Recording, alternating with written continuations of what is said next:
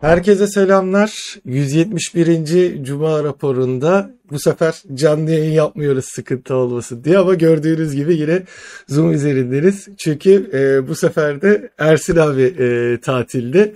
Nasılsın abi? Nasıl geçiyor tatilin?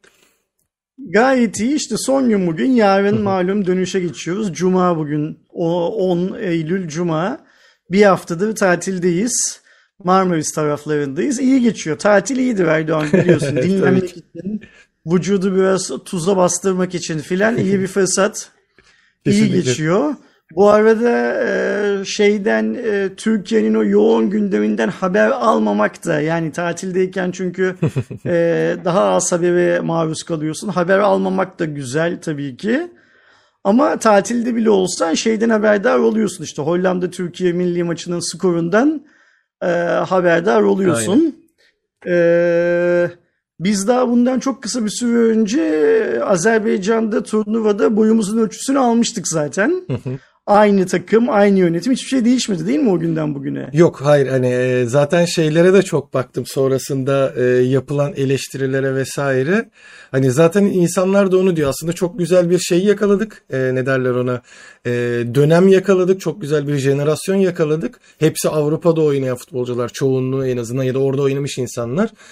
Ama ona rağmen bu Avrupa Kupası öncesi ve sonrası diye çok büyük farklılıkta olan bir Türkiye var. Öncesinde Hollanda'yı yenen, e, Norveç'i yenen, çok iyi oynayan bir takım varken sonrasına baktığımızda Avrupa Kupası ile beraber yani 80'lerdeki o bizim işte hiçbir şey yapamayacağında e, bir galibiyet aldığında önemli bir şey olan bir Türkiye'ye döndük. Cebeli Tarık'ı yenebilmemize sevinen bir hale aldık. Ee, bakalım nasıl sonuçlanacak. Hani herkes artık hani e, Şenol Güneş'in hala Türkiye için bir değer olduğu ve e, artık biraz da kendini geri çekmesi gerektiğini falan konuşuyor ama yani nasıl bir sonuç olacak göreceğiz hani komple Valla 6 yıl tabii üzerine çok fazla konuşulacak bir Kesinlikle. şey değil, skor değil. Ee, bazen dibe vurmak gerekiyor değişebilmek için. E, herhalde e, geçen turnuvadan sonraki bu ilk skorda o dibe vurmayı şey yapıyordu ne derler teyit ediyordu diye tahmin ediyorum. Maç sonrasında hocanın yaptığı açıklamalar da biraz garip öyle evet, değil mi? Evet. İşte bir Illuminati'ye bağlamadı sağ olsun. Ee, bir şeyler söyledi ama ben anlamadım tam olarak ne söylediğini.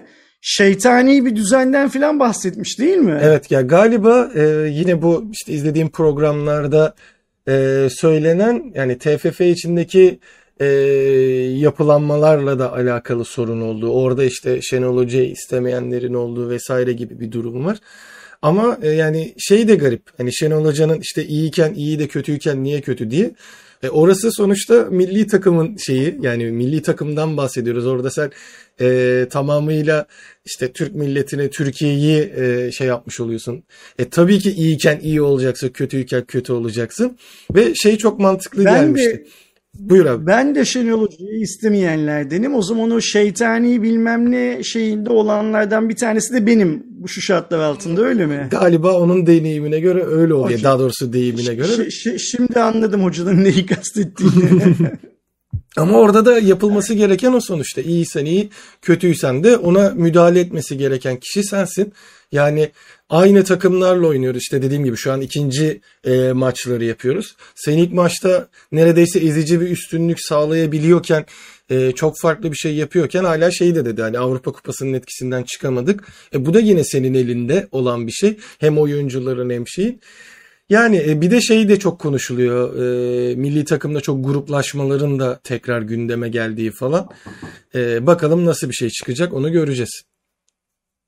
Yani bu tabii ki vizyonsuzluktan başka bir şey değil. Dönüp zamanında Derval'in e, Alman milli takımını yönetirken Galatasaray'a gelmesine bakmak lazım. Löw'ün Türkiye'den gittikten ne kadar süre sonra Alman milli takımının başına geçebildiğine filan bakmak lazım. Bu işler tamamen performans işi. Kesinlikle. E, kimin performansı daha iyiyse nasıl sahaya ilk 11'de o çıkıyorsa hangi teknik ekibin performansı daha iyiyse de takımı o çalıştırır. İş bu kadar basit. Aynen. İyiyken iyi, kötüyken kötü. E, sporun zaten yani günümüzdeki e, sporun e, ruhunda olan bir şey. Spor artık o Olimpos dağlarında şey yapıldığı ne derler yapıldığı iddia edilen e, olaydaki spor değil. Bugün artık spor para karşılığı yapılan çok büyük ekonomilerin, çok büyük sistemlerin döndürüldüğü bir iş. Sadece evet. futboldan bahsetmiyorum. Genel anlamda sporun her branşı böyle ve iyi olduğun zaman iyisin, kötü olduğun zaman da kimse için yoksun. Aynen İş öyle. bu kadar basit. Belki burada Aydoğan şöyle bir fırsat doğar Türkiye için. Ne dersin? Çok uzun zamandan beri gurur duyduğumuz ama gurur duymaktan öte hiçbir şey yapmadığımız kadın voleybolcularımızla belki bu vesileyle daha çok yatırım yapılır. Ne dersin? Kesinlikle. Yani erkek futbolcular zaten e, bir şey yapamıyordu işte. Hollanda'dan 6 yiyor. Gidiyor kupadaki eleme maçlarından hiçbirisini kazanamıyor. Kıçına baka baka Türkiye'ye geriye dönüyor ve bu adamlara süper paralar harcanıyor. Öbür tarafta bunlara harcanan paranın galiba onda biri kadar para harcanan kızlar çıkıyorlar takır takır oynuyorlar. Ee, Türk kadın milli voleybol takımını dünyada e, bir marka haline getiriyorlar ve bu yeni bir şey değil. Bu yılın olayı değil. Son 5 evet. yıldır, son 10 yıldır filenin sultanlığı olayı başladığından beri ortaya çıkan bir şey. Belki kafayı biraz futboldan başka yerlere çevirmenin de zamanı gelmiştir. Öyle Kesinlikle. de anlaşılabilir yani, belki. E, zaten şeyden de e, artık işte bilindik hocalardan ziyade yani işte Şenol Güneş'tir, işte Abdullah Avcı, Fatih Terim vesaire gibi onlar zaten hani e, Türkiye'deki takımları e, yöneterek e, bir şeyler yapıyorlar. Bu süreçten sonra bence işte e, yine o çok konuşuldu. Okan Buruk vesaire gibi hani artık teknik direktörlükte de yeni jenerasyon olan bir hocaya devredip ve belli bir süre verip e, bu süreçte onlar e, o genç e, oyuncuları genç bir teknik direktörle yetiştirirken dediğin gibi odağımızı e, filenin sultanlarına keza e, son dönemde filenin nefeleri olan işte erkek e, voleybol takımı da e, iyi bir şekilde e, gidiyordu. Bu şekilde devam etmesi bence çok güzel e, olabilir diye e, düşünüyorum. İstersen geçelim abi e, şeye yavaştan konularımıza. Şimdi ilk haberimize baktığımızda zaten e, resmi olarak dün e, duyurusu yapılan ve Türkiye'ye resmen giriş yapan Realme 8 Pro ve Realme GT var. Duyurulduğu günden bu yana Türkiye'de çok fazla merak ediliyordu. Gelecek mi gelmeyecek mi özellikle GT'yi çok sevenler vardı. Dün itibariyle e, zaten işte bizlere yayınlara e, önceden bazı örnekleri gönderilerek videoları da yayınlanmaya başladı ama şey e, tam anlamadım. E, dün işte resmi olarak bir Türkiye lansmanı için bir video hazırlanmış olsa da Realme kanadından fiyatları belli değil. Sadece Trendyol'a geçtiğimiz hafta mıydı? Yani bu hafta başında e, düşen e, 8999 yani 9000 TL'lik Realme GT'nin e, fiyatını gördük ama hala da resmi satışı yok ama en azından resmi olarak artık Türkiye'ye girdiğini söyleyebiliriz. Realme bir basın bülteni geçerek bu iki cihazın Realme 8 Pro'nun ve GT'nin Türkiye'de olduğunu duyurdu öyle Hı-hı. değil mi? Evet. O basın bülteninde fiyat var mı? Ekstradan ben de görmemiştim. Tekrar kontrol ediyorum şey olmasın yok, diye. Benim, benim ben de baktım, baktığımda görmedim. Benim baktığım kadarıyla yok. O zaman demek ki işte şu an piyasada satılan fiyatın resmi fiyat olmadığını varsaymak lazım. Yani resmi açıklanan fiyat da 8999 TL olabilir tabii ki. Ee, ama hani e, bu basın bülteninden şeyi de anlamıyoruz. O da garip tabii bir yandan. Ee, e, Türkiye'de de nasıl Türkiye'de onu da o basın bülteni çok söylemiyor. Yani şeyi de söylemiyor Aydoğan. Ee, hani mesela atıyorum haftaya gelecek ay bir sonraki ay, üç gün sonra, beş gün sonra filan gibi bir şeyi de söylemiyor. Evet. Ee, hatta basın bültenin başlığı şöyle. Realme'nin son teknolojiye sahip ürünleri Realme 8 Pro ve GT Türkiye'de. yani böyle bir müjdeli haberle e, geliyor bize basın bülteni. E, te- teknik olarak tüm basın bültenlerinde olduğu gibi cihazların teknik detayları, özellikleri vesaire vesaire sıralanmış. Hiçbir şey yok yani hiçbir şey yok dediğim hiçbir garip bir bilgi yok. Ancak hani bütün bülteni okurken insan ne bekliyor doğal olarak? Satış tarihi ve fiyatı. Ee, şey bekliyor. Bir satış fiyatı bekliyor. Bir de Türkiye'de de hani Aa, ne zaman Türkiye'de? Ee, şimdi gördüm abi ben de tekrar baktım. Ee, ikinci paragrafta geçiyormuş. Realme 8 Pro 14 Öyle Eylül'de mi? hepsi burada da GT'de 16 Eylül'de Trendyol'da olacakmış. Önümüzdeki hafta satışa çıkıyor. Öyle mi? Evet, İkinci paragrafta dedin. Evet evet. Aa evet haklısın. İkinci Bizim- bizim gözümüzden kaçmış. Benim de şu anda karşımda açık. 14 Eylül yani pazartesi günü. Pazartesi Öyle günü mi? 8 Pro hepsi burada da e, 16'sı da Salı günü ha, salı günü hepsi burada da 8 Pro Perşembe günü de e, GT Trendyol'da olacak. O zaman o Trendyol'daki fiyatın çünkü satıcısı da Realme'ydi sadece koduyla görünen. E, Hmm. kısmen 9000 lira olacağını tahmin edebiliriz oradan. E, O zaman şöyle bir şey söyleyelim. Hani bu satış e, tarih bilgisi yok filan dedik ya. Tarih bilgisi varsa ve bu kadar kısa zamanda e, satışa çıkacaksa diğer tüm markaların yaptığı gibi Realme'nin de o bültene satış rakamını eklemesi lazım. evet aslında eklense şey yani olur. hani böyle kaçı satılacak, ne olacak, bilmem ne olacak filan diye merakla bekletmemesi lazım insanları. Ee, peki Aydoğan diyelim ki GT 9000 liraya satılacak Türkiye'de. Nasıl buluyorsun 9000 lira fiyatı? Ee, ya iki aşamadan bakmak lazım abi ona. Ee, zaten işte bu sabah 8 Pro'nun incelemesi çıktı bizde. Yarın sabah da e, GT'nin incelemesi çıkacak. Ben orada da bahsediyorum hani 9000 lira Türkiye için çok yüksek bir rakam. Ama hani işte şu anki dolar kuruna şeye baktığımızda bu cihazların da kısmen olması gereken rakamlar oluyor.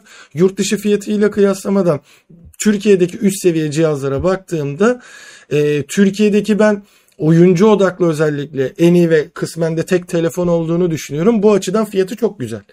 Ama işte bir telefona yine 9000 lira vermek ki hani bundan e, bir yıl öncesinde falan hani konuşuyorduk seninle işte 3000 liranın üzerine vermemek lazım falan diye. Aynen öyle. O açıdan baktığımızda kesinlikle çok pahalı ama hani rakiplerine işte Xiaomi'nin Mi 11'i, e, Oppo'nun hala işte e, en yüksek telefonu olan Find X2'ye, e, diğer markalara falan filan baktığımızda fiyatı çok güzel. Sadece kafayı karıştıracak şey yine iPhone kanadı oluyor. E, o fiyatta işte iPhone 11, 12 mini gibi e, rakipleri oluyor ama ayrı dünyaların şeyleri olduğu için hani Android OS'ten ziyade Realme GT saf Bunlar oyun birbirinin muadi, Aynen. muadili değil yani zımpara kağıdıyla tuvalet kağıdı gibi şeyden bahsediyoruz. O yüzden işin içine e, başka bir şeyi sokmanın mantığı yok. Ben de 3 aşağı 5 yukarı senin gibi düşünüyorum. Ne yalan söyleyeyim. Yani 9 bin lira az bir para değil. Bunu unutmamak lazım. Bugün dönüp şeye bakıyorum Aydoğan ben. 9 bin liraya ne alabiliyoruz diye bakıyorum. Markette ne var 9 bin liraya satılan diye bakıyorum. İşte bu 8 bin, 9 bin, 10 bin lira bandında gördüğüm cihazların teknik özellikleriyle GT'nin teknik özelliklerini kıyaslıyorum ve GT onların hepsinden daha yeni. Evet.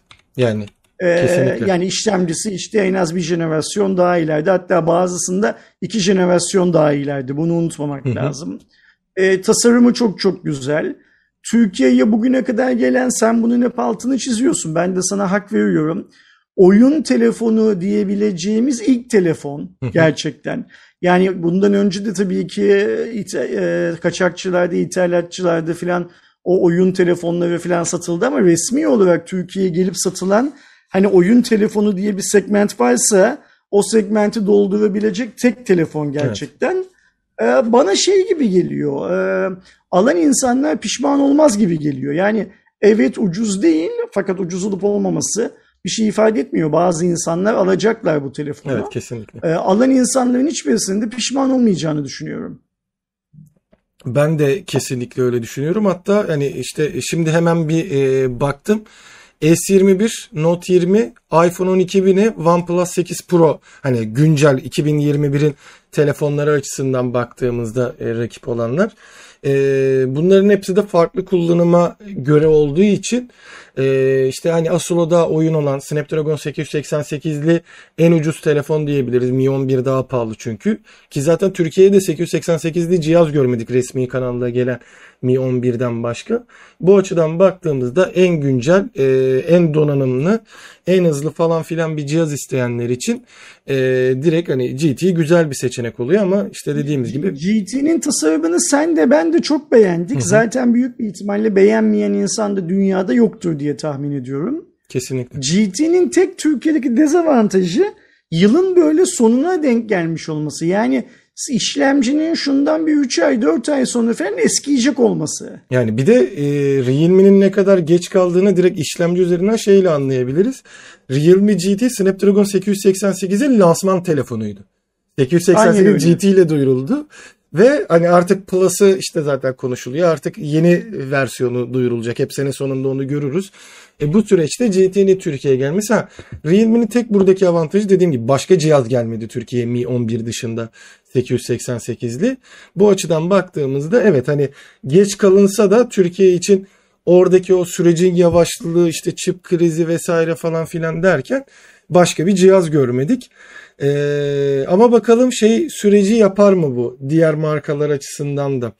Ee, 888'li cihazın e, artık biz mesela 2022'nin başında mı göreceğiz? Yani artık Türkiye yeni nesil telefonları da bu şekilde geriden mi takip etmeye başlayacak diye bir soru hmm. işareti oldu. OnePlus mesela ha, 9 serisini duyurmadı. E, Renault 6'lar duyuruldu şimdi. Hani böyle biraz artık yavaş yavaş hani 6 ay 7 ay belki de daha geç e, takip ediyor olabiliriz şeyi teknoloji. Belli başlı işte iPhone'un ve Samsung'un. satın alma gücünde yaşanan e, erozyona bakarsak markaları eleştiremeyeceğimiz Tabii, bir şey kesinlikle. şey olur. E, yani hani adam e, o ürünü dünyanın herhangi bir noktasında kolayca satıyorken hı hı. Türkiye'ye gönderip 6-7 ay e, uğraşmak istemez tabii ki. 6-7 ay daha sonra gönderir. Aydoğan Realme 8 Pro ile ilgili herhangi bir fiyat sızıntısı falan var mı piyasada? Ee, yayına girmeden önce de baktım. Şu anda hiçbir şey göremedim onunla alakalı. Görünen o ki hani salı günü e, göreceğiz e, Anladım. onun fiyatını. Ama o da tabii, şey konusunda kamera konusunda çok kesinlikle. yeterli bir telefon. Tabii. Yani üst seviyeyle ee, rakip olabilecek hani, bir telefon. Aynen öyle. O da yine önemli bir telefon. Gönlümüz tabii ki bunun evi Eylül ayında değildi e, Mayıs filan gibi Türkiye'de görmek isterdi. Ama kısmet diyelim ve Aynen. yine aynı grubun bir başka haberiyle devam edelim. Ne dersin? Tabii ki. E, biliyorsunuz e, dün yapılan lansmanla beraber e, Oppo basına özel bir lansman yaparak Reno 6 serisini de tanıttı. E, baktığımızda 3 farklı model var. E, Renault 6, Renault 6 Pro bir de Renault 6'nın 4G versiyonunun e, tanıtıldığını gördük.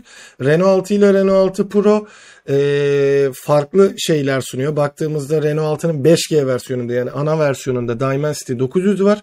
Pro'da ise Snapdragon 870 var. Artık kademeyi de bir tık yükselttiklerini görüyoruz. Ama Renault 6'nın 4G'ye yani çok büyük ihtimalle Türkiye'ye gelecek versiyonunda yine 720G'yi görüyoruz. Tıpkı e, Realme 8 Pro'da olduğu gibi. Ama tabii ki e, tasarımsal olarak bir e, ekstra aşama kaydetmemişler ki açıkçası bence de gerek yok. Yani artık tasarımlar iyi. E, ben şeyi de bekliyorum. Sadece işte Oppo'da, Realme'de falan değil. Bu önümüzdeki sene e, birçok cihazın geçen seneki versiyonlarına çok benzer tasarımla devam edeceğini e, düşünüyorum. E, o açıdan da tasarımlar kesinlikle benziyor. Baktığımızda en azından Türkiye'ye gelecek modelde yani gelmesini beklediğimiz modelde 4G versiyonunda 6,43 inçlik OLED 90 Hz bir ekran var. Full HD Plus çözünürlüklü 12 GB RAM 256 GB depolama ama artık şeyi de vurguluyorlar. Özellikle BBK grubundaki yani haliyle Oppo'da da RAM arttırma yöntemiyle siz bu 12'yi yaklaşık 19 GB'a kadar falan yükseltebileceksiniz. 64 megapiksellik bir e, üçlü kamera dizilimine geçmiş. 44 megapiksel ön kameramız var. Yine 4500 mAh 65 Watt hızlı şarj var. Geçen sefer de 50 idi bu. E, ve tabii ki Android 11 ile beraber geliyor. Pro'yu getirirler mi bilmiyorum ama Pro'nun 4G'si yok. Bu sefer olursa kendi aralarında da ciddi bir fark olabilir. Çünkü dediğim gibi Snapdragon e, 870 var. Bu sefer gerçekten üstte oynuyor. E, 6,55 inç HDR10 Plus ve e, 1100 nit parlaklığa kadar çıkabilen gerçekten canlı bir ekran görüyoruz. Kamera 50 megapiksel ama tabii ki sensör farklılıkları da e, olacak. 16 megapiksel geniş ve e, 5x hibrit zoom yapabilen 13 megapiksellik bir telefoto kamerası vesaire gibi özellikleri olacak. Yine 4500 mAh 65 watt hızlı şarjda görüyoruz bu cihazda Pro versiyonunda. Bir de şeyimiz var değil mi? Mediatek'li evet. e, Renault 6'nın 5G versiyonu Onda var. özellikler tamamen aynı. Sadece ön, pe- aynı, e, ön kamera işlemci. E, 32 megapiksel. İşlemcide bir farklılık var. Şimdi bence dünkü lansmanın en önemli yanı Aydoğan, e, lansmanda bizim biliyorsun bölgesel bir lansmandı. Bu yani hı hı. Türkiye özeline yapılmış bir lansman değildi. Hı hı. E, işte e, bizim Türkiye'nin de bulunduğu bölgedeki tüm ülkeler için yapılmış bir lansmandı. Bizim sorduğumuz, Hardware Plus'ın sorduğu soruya bölge yöneticisinin verdiği cevaptı bence en önemli yan. Evet. Ne sorduk şeyde soru cevap şeyinde session'ında? Şu dedik Oppo ile OnePlus'ın birlikte çalışma, birleşme ya da işte bizim tarafımızdan bir türlü anlaşılamayan yani birleştiler mi, birlikte mi evet. çalışacaklar, ne yapacaklar diye anlaşılamayan durumu ne diye sorduk. Ee, ve benim beklentim evet biz hani ARGE çalışmalarını birleştirmeye karar verdik e, filan filan gibi olacakken bölge yöneticisi kalktı. Yo hayır dedi. Oppo'da ve şey e, OnePlus tamamen birbirinden ayrı e, iki markadır.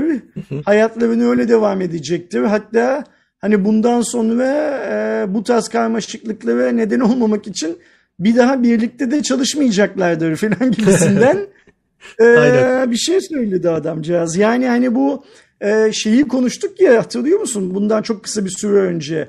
Bu markalar e, aslında Oppo'dan çıkmıştı hani Realme, OnePlus bilmem ne filan filan. Acaba böyle bir öze dönüş mü söz konusu olacak filan gibi bir şey konuşmuştuk seninle. Evet. E, adam açık açık yok hayır öyle bir öze dönüş filan olmayacak. E, OnePlus yoluna OnePlus olarak e, Oppo'da yoluna Oppo olarak devam edecek dedi.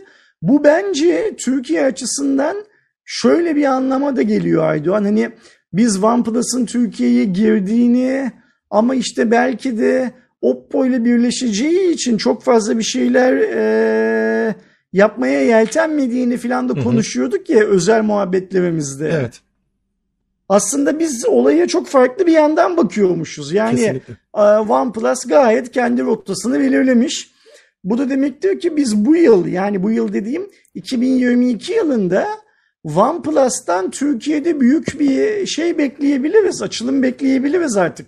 Yani OnePlus Oppo'nun kanatları altında olmayacaksa tek başına Türkiye'de uçabileceğini herkese göstermek zorunda bence artık. Evet, evet. Yani e, ben de şey bekliyordum işte en azından işte Arge şeyleri ortaklığı falan filanla beraber. Aynen öyle haklısın. E, ortak bir e, şeyde hedefte gitme gibi. Ama demek ki artık hani e, o açıklamaların falan filan böyle e, nasıl bir etki olduysa hani o kadar net de e, nasıl diyeyim yalanlanması ya da hayır biz tamamıyla iki ayrı şirket olarak e, yolumuza e, devam edeceğiz e, şeyiyle beraber. Evet tamamıyla ayrı sadece e, şeyi biraz legalize etmiş oldu. Yani aslında bilinen şeyi legalize etmek istemişler sanırım. Sonuçta BBK grubunda kendi içlerinde bir e, yardımlaşma ya da know-how e, alışverişi olduğunu zaten hani tasarımlara da baktığımızda, ürünlere de baktığımızda arayüzde bile görebiliyoruz. Nasıl Realme'nin Realme UI, Oppo'nun ColorOS dedikleri şey arayüz bile o şeyin de OnePlus'ın da benziyor. Hatta OnePlus Çin dışında neredeyse birçok yerde ColorOS'e geçmesiyle falan bunu biraz legalize etmiş oldular anladığım kadarıyla. Ama böyle bir açıklamayı daha önce yapmasalar da bizim bildiğimiz bir şeydi. Ekstra böyle bir açıklama gelince biz dedik herhalde bir şeyler olacak. Ama görünen o ki hiçbir şey olmayacak. Aynı şekilde ayrı ayrı devam edecek. şeyi de söyleyelim. Sen takip ettin mi bilmiyorum ama ben bölge yayınlarını takip ettim dün öğleden sonra. Yani bölge yayınları dediğim web sitelerine, teknoloji web sitelerine falan baktım. Hı hı. İşte Google Translate'te çok zaman geçirdim dün öğleden sonra. ee, Birçok e, yayında bizim sorduğumuz soruya verilen cevap üstünden lansmanı değerlendirmişti. Hı hı. Yani kimsenin öyle Renault 6 ailesiyle çok fazla ilgilendiği yoktu. Herkes e, şeye odaklanmıştı e, Oppo ve OnePlus iki ayrı marka olarak devam edecek. E, şirketin şeyi bozulmuyor. Kendi çizdiğini, kendisine çizdiği yol değişmiyor, modifiye edilmiyor, bozulmuyor noktasından haberi vermişlerdi. Yani e, şimdi Renault 6 zaten vesaire baktığımızda hani e, az çok tahmin edilen cihazlardı. E, ben şeye de şaşırmıştım. Ben orada kaçamak bir cevapla gelebilir diye düşünüyordum. Hani biraz daha üst seviyeden e, yapılabilecek bir netlikte açıklamaydı aslında o açıklama. Öyle bir açıklama gelince demek ki şeyler de işte MENA bölgesi dediğimiz e, bölgede de direkt haliyle o açıklama değerli görüldü. Daha çok da şey yapar diye tahmin ediyorum. O e, açıklama değer görür diye de tahmin ediyorum. Hayırlı olsun diyelim. Ben sevindim buna yani iki markanın birleşmiyor olmasına. Ben de. Öyle ya da böyle birleşmiyor olmasına sevindim. Ee, bence böylesi daha iyi. Cep telefonu sektörü için daha iyi böylesi bir çözüm. Hayırlı olsun diyelim ve Türkiye için hayırlı olacağını umduğumuz bir başka haberimize geçelim. Biliyorsunuz dün e, Sayın Fahrettin Koca işte saat 6'da e, önemli bir e, gelişmeyi paylaşacağını duyurmuştu. Ee, herkes ben istifa fark... edecektim. Onu da bekleyen yani çok önemli vardı. deyince herhalde istifa eder diye düşündüm. Onlar için e, önemli olan aşama e, Türkiye'de dün itibariyle en azından o açıklamayı yapmadan kısa bir süre önce 100 e, milyonuncu dozun hani bu ikinci falan filan değil toplamda yapılan e, aşılamada 100 milyonuncu doza aştığımızın e, müjdesiydi e, Fahrettin Koca için.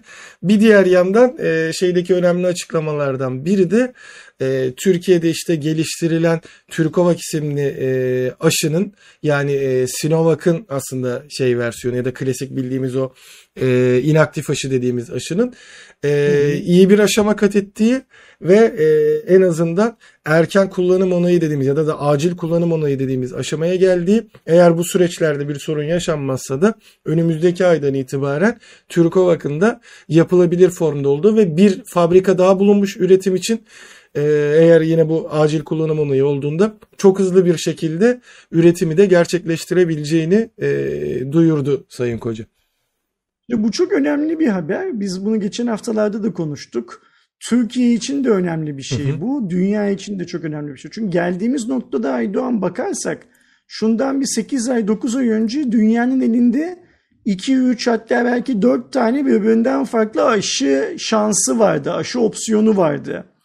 Geldiğimiz noktada bütün dünya Alman aşısına e, kalmış durumda. Hı hı. E, yani işte Çin aşısının olanlar tekrar e, Alman aşısı oluyorlar filan. Bu normal yani şey değil, e, garipseyeceğimiz bir yöntem değil. Hani e, çok fazla alternatifin çıkıp sonra bazılarının tam olarak işe yaramadığını e, bekleniyordu zaten. Hı hı. Şimdi Alman aşısının karşısına Türkovak'ı çıkartabilirsek eğer acil kullanım onayından sonra hızlıca çalışmalar devam ederse ve FDA'den standart kullanım izni de alabilirsek bu aşı ile ilgili o zaman biz bir anda dünyada e, dünyaya aşı satan ülkelerden bir tanesi haline de gelebiliriz Aydoğan. Evet. Bu çok çok önemli bir gelişme Türkiye Kesinlikle. için ve Türkiye'deki bilim insanları için de çok cesaretlendirici bir gelişme olur aynı zamanda. Ama benim buradaki tek e, şeyim e, Sinovac'la beraber hani tabii o e, geliştirilmesinde sonuçta işte Türk Ovak'ında resmi olarak e, oranları açıklansın nasıl koruduğuna dair falan filan. E, şu anda insanlarda inaktif aşı, aşının mRNA ya da diğer tarzdaki aşılar kadar etkili olamayacağı da e, konuşulurken biz yeni bir inaktif aşının sonuna gelmiş olmamız burada işte çok önemli bir e, sınıra kat ediyor. Ya bizim oran e, yani Türkovak'ın oranı Sinovac'tan yüksek çıkarsa bu sefer deriz ki olay inaktif aşıda değil geliştirilme aşamasındaki şeylerde. Belki Çin o kadar iyi hani sonuçta çok hızlı reaksiyon vermesi gerekiyordu. Oradan kaynaklı düşük kalabilir. Ama yine e, Avrupa'da ve Amerika'da işte kabul edilen Sinovac'ın çok kabul edilmemesi e, işte birazcık BioNTech'in de gerekmesi vesaire gibi durumlarda biz de aynı durumu yaşarsak birazcık şeye üzülürüm. Bu kadar süreçtir yapılan e, gelişmeleri üzülürüm. Hatta Türkiye'de de hani e, işte Sinovac'tan ziyade birazcık BioNTech'e şey var hani ilk başta 65 yaş üstüne yapılanlarda ekstra bir BioNTech yapılması gerekliliği, bunun vurgulanması falan. Ee, burada Türkovak'ın acil kullanım onayı alınırsa ve e, bakan da işte e, BioNTech'ten bu sefer Türkovak'a e, şey yapmaya çalışırsa burada o Sinovac'la Türkova'nın farkının açık bir şekilde bize söylenmesi lazım ki e, işin sadece biz ürettik hadi bunu yapmış olalım e, gibi ya da o üretim anlaşmaları yapılan yerlere sevindirme ihtimalini kafada oluşturmamaları gerekiyor. Avrupa için de keza bu böyle. Avrupa'nın da bu aşıyı alması için ikna olması gerekiyor. Umarım bu Haklısın. aşamada iyi bir şey sonuç çıkar. Hani tabii ki temennim o yönde ama eğer benzer sonuçlar verir de ee, Avrupa'da e, yine hani Sinovac'tan çok farkı yok bu aşının. O yüzden biz yine BioNTech'e e, diğer aşılara odaklanmaya devam edeceğiz derse o da bu kadar yapılan çalışma açısından benim e, düşüncemi üzer. Bakalım nasıl bir sonuç Şimdi, çıkacak. Sinovac'tan çok farkı yoksa Türkovac diye bir aşının yokluğunu duyuyoruz zaten sadece. Çünkü Sinovac şu an e, dünyada ciddiye alınan bir şey değil. Hı hı. Aşı değil artık. Özellikle son bir iki aydır elde edilen bulgular nedeniyle. Şimdi bilimsel çalışmalarda bu tarz, bu tarz riskler her zaman var. Tabii Bunun ki. önüne geçmek mümkün değil. Burada mantıklı olan şey işte bir geleneksel aşı geliştirmek için bir ekip kanalize ederken bir de Alman aşısının sahip olduğu teknolojiyi kullanarak ilerleyecek başka bir aşı çalışmasının daha yapılmasına öne yak olmak. Hı hı. Biz eğer Türkovak'ı dünya çapında kullanılabilir bir aşı haline getirebilirsek bu bizim için çok büyük balık anlamına geliyor Kesinlikle. Aydoğan. Ee, ama Türkovac e, Sinovac benzeri bir şey olarak bile ortaya çıksa yani saman alevi gibi parlayıp sönse bile e, Türkiye'deki bilim insanları için yine de çok önemli bir Tabii şey. E, ne derler? E, kavşak noktası. Yani e, şimdi erken kalkan çok yol alır. Bu e, tartışılamayacak bir gerçek. Hı hı. E, Alman senden 6 ay 7 ay önce çalışmaya başladıysa senden daha çok şey yapacak, e, yol alacak. İş hı. bu kadar basit. Burada önemli olan şey bence Türkiye'nin böyle bir kriz döneminde bu girişimleri başlatabilecek şeyinin olması, e, potansiyelinin olması. Çünkü biz biliyoruz ki şu an Türkovac Türkiye'de yürütülen tek aşı çalışması değil. Evet. Birbirinden farklı aşı çalışmalarımız da var ve biz bunlardan en az bir tanesinden adı Türkovac olur ya da diğeri olur bir tanesinden ürün çıkartabilirsek bu bizim için çok büyük bir kazanım. Yani ülke için çok büyük bir kazanım. Bu aşıyı hangi bilim insanı yaptı, hangi ilaç şirketi üretecek, işte o bakan mı destekliyor, öbür bakan mı destekliyor bilmem ne filan gibi şeyleri hiç umursamıyorum. Çünkü bunlar işin çok teferruat tarafları artık. Önemli olan şey şu. Türkiye dünyayı kasıp kavuran bir hastalığın aşısını öyle ya da böyle yani gerekiyorsa 10 deneme 9 yamulma bir tane başarılı olma evet. şeyiyle ihtimaliyle bile hayata geçirebiliyorsa o zaman şunu söyleriz Aydoğan göğsümüzü geve geve Türkiye olarak biz bu işi yaptık deriz. Benim e, bir Türkovac şeyim yok. E, hani gönlümden Türkovac olsun bilmem ne olsun filan diye bir şey geçmiyor.